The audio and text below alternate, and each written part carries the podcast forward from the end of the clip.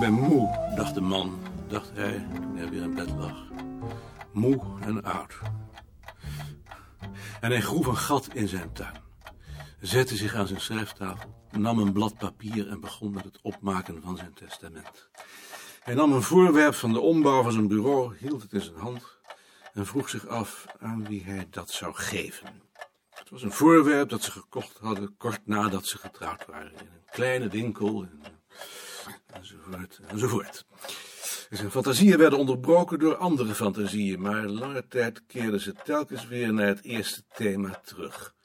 Hij groef nog een kuiltje voor zijn kat en tenslotte overgoot hij alle dingen die hem lief waren met petroleum, stortte een valtijd over zijn hoofd en stak de hele troep in brand. Een wat hachelijk slot, want hij wist niet of dat niet erg veel pijn zou doen. Wil je niet wat eten? Nee. Helemaal niets? Een glas melk, Hoe gaat het nou? Belazerd.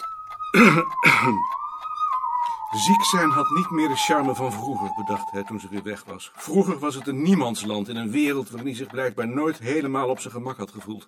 Nu voelde hij zich kwetsbaar en bedreigd. Dit keer had hij griep, de volgende keer ging hij dood. En zolang Nicolien nog leefde, zag hij daar tegenop. Misschien ook omdat hij in de manier waarop hij zich bewoog de bewegingen van zijn vader herkend had. Toen ze met hem door het ziekenhuis schoven, nog even. En hij zou op zijn beurt zijn macht kwijt zijn en aan anderen zijn overgeleverd. De ergste straf die voor de ouderdom bedacht was. Bovendien waren zijn bed en zijn pyjama kletsnat van het zweet. Dezelfde lucht als toen zijn vader en zijn moeder stierven. Hij dacht daarover na en vond het vreemd dat je voor je dood ging zweten, alsof sterven een ziekte was.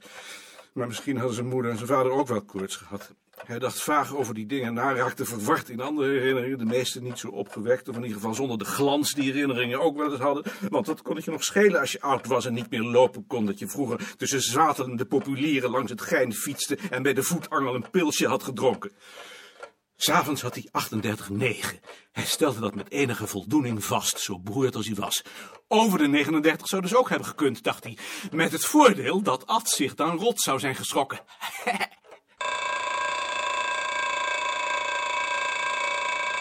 En? 37,9. Dus je komt eruit. Dat weet ik nog niet of ik eruit kom. Het is nu beneden de 38. De grens ligt bij 38, dat heb je gezegd. De grens ligt bij 38, dat zei je. Jawel, maar ik voel me nog rot. Dus ik had die appeltaart toch niet kunnen bakken. Je zei dat je er met het weekend weer uit zou komen. Nou, Hoe krijg ik die nu op als je nog niet beter bent? Die komt wel op. Dan geef ik de rest maar aan moeder mee.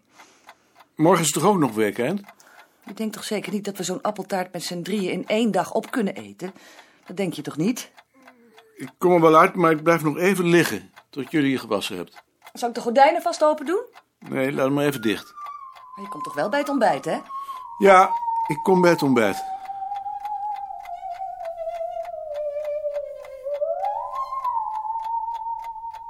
Goedemorgen. Hoe hebt u geslapen? Goed hoor, kind. Ligt u nou in uw onderjurk in bed? Ja, dat heb ik maar eens een keertje gedaan. Maar u moet uw nachtpont toch aantrekken? Zeg je? U moet uw nachtpont toch aantrekken? Ja, eigenlijk wel. Haalt u uw gebit nog wel uit uw mond s'nachts? Wat? Een gebit? Ja, geloof het wel. Ik weet het niet meer. Misschien niet. Maar dat moet u toch doen? Het is toch gevaarlijk om dat in uw mond te laten zitten? Ja, dan moet je hem maar een kopje water geven voortaan. Maar dat krijgt u toch? Hier, hier staat het. Maar. Oh ja. Ja, kind. Ouderdom komt met gebreken, moet je maar denken. Wat gaan we nou doen? Nu gaat u zich wassen. Oh ja. Als u nou de po meeneemt, dan neem ik dit mee. Oh ja. En nu? Nu gaat u zich even wassen, maar eerst Maarten maar even goeiedag zeggen. Daar ligt hij. Ziet u wel? Dag Maarten. Gaat het nou weer een beetje? Ja, dat gaat best. Fijn hoor. Heb je goed geslapen? Hm? Wat zegt Maarten? Hij vraagt of u ook goed geslapen hebt. Ja, ik ben een beetje doof. Mijn oren moeten weer eens uitgespoten. Moeder is 's ochtends altijd erg doof, gek hè? En je praat ook wel erg onduidelijk. Geen lawaai op de trap? Wat zegt hij? Of er geen lawaai op de trap was. Nee hoor. Ik heb best geslapen. Waar moet ik nu naartoe? Nou moet u hierin. Oh ja. En moet ik hier dan ook weer uit? Ja, dat kunt u doen, maar u kunt ook hier weer door naar de gang. Net als anders. Oh ja. Nou, dan vind ik het wel hoor. Dan gaan we ons maar eens even lekker poedelen. Tot straks. Tot straks dan, hè? Dag. Hij vroeg zich af wat ze onder wassen stond. Haar haar in geen geval en haar voeten ook niet. Maar de rest... Voor zover ze wisten was ze nog nooit onder de douche geweest. Water, daar had ze het niet op. En water dat van boven kwam was wel heel beangstigend. Hoi. Hoi, En nu? Nu moet u zich aankleden. Kijk, als u dit nou eens aantrekt. Het viel hem opnieuw op wat een engelengeduld ze het afgelopen jaar had ontwikkeld. Een geruststellend vooruitzicht in geval hij zelf dement zou worden. Al betwijfelde hij meteen weer of iemand met haar karakter zoiets twee keer in een leven zou kunnen opbrengen. Nee, niet hier. In het kamertje, toch? Ja, natuurlijk.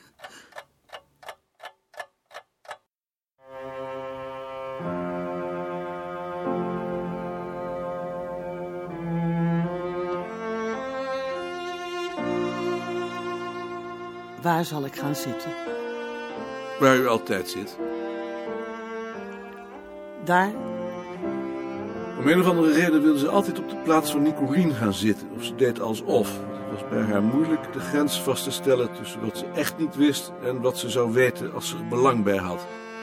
Een deel van zijn irritatie berustte op ongeloof. De rest was de gewone irritatie tegenover weerloze mensen die zich afhankelijk voordeden. Een niet zo aardig trekje hem enig begrip bijbracht voor de ideeën en praktijken van het nationaal socialisme. Ik krijg twee boterhammen van mijn moeder. Dat hij de irritatie meestal onderhuids wist te houden, rekende hij zich niet aan als verdienste. De eerste reactie was immers kenmerkender dan het gepolijste eindresultaat, dat trouwens bij de minste spanning al gauw niet meer zo gepolijst was. Beschaving is prachtig, maar ze betekent niet veel als de ziel er niet van doortrokken is. Fijn dat je weer zo opgeknapt bent, hè? Heerlijk.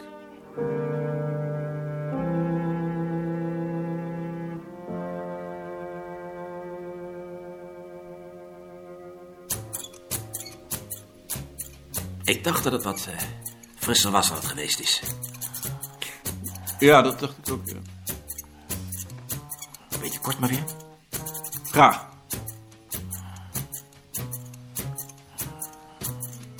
In het begin is die warmte wel aardig, maar eh, je hebt er al gauw genoeg van. Was het bij u nog al te harde?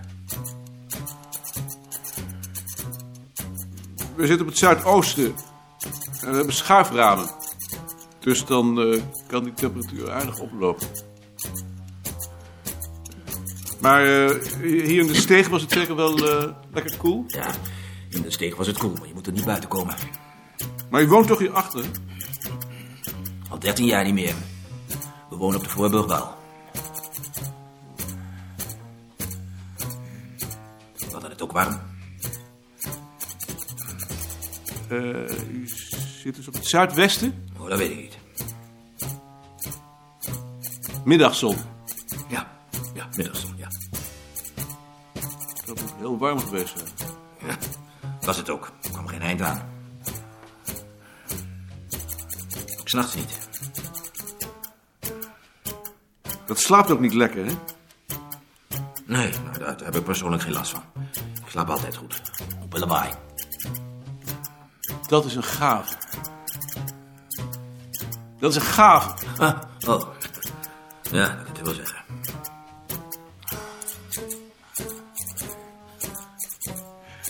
U bent altijd, altijd wel vroeg. Ja, ik ben, eh, Ik ben, ik ben graag als eerste op een bureau om nog even alleen te zijn. Hm, staat het.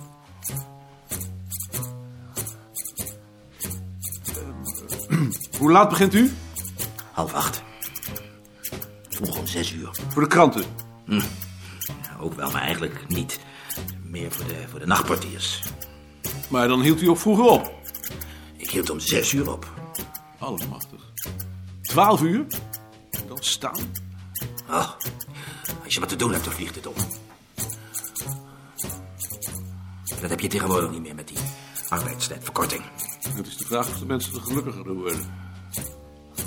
Maar het komt wel weer terug.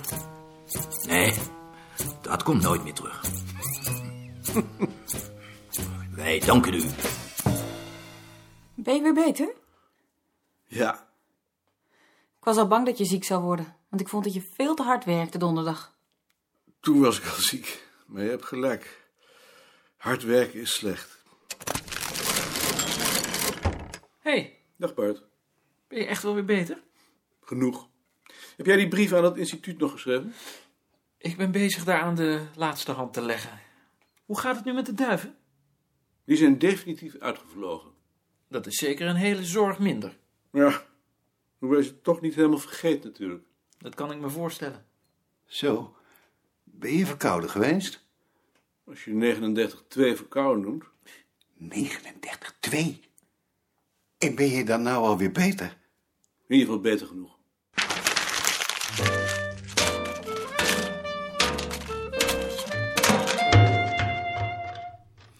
Sien, hoe gaat het met je artikel? Ik kan geen literatuur vinden. Er is over dit onderwerp nooit iets geschreven.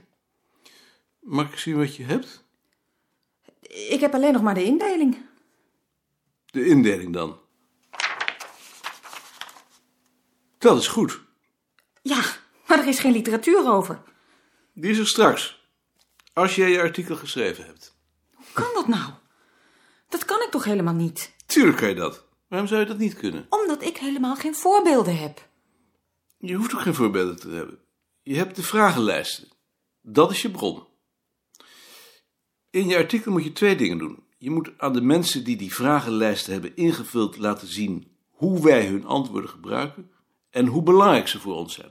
En je moet de anderen duidelijk maken dat die vragenlijsten, ondanks alle kritiek die je erop kunt hebben, een prachtige bron zijn als je ze maar goed gebruikt.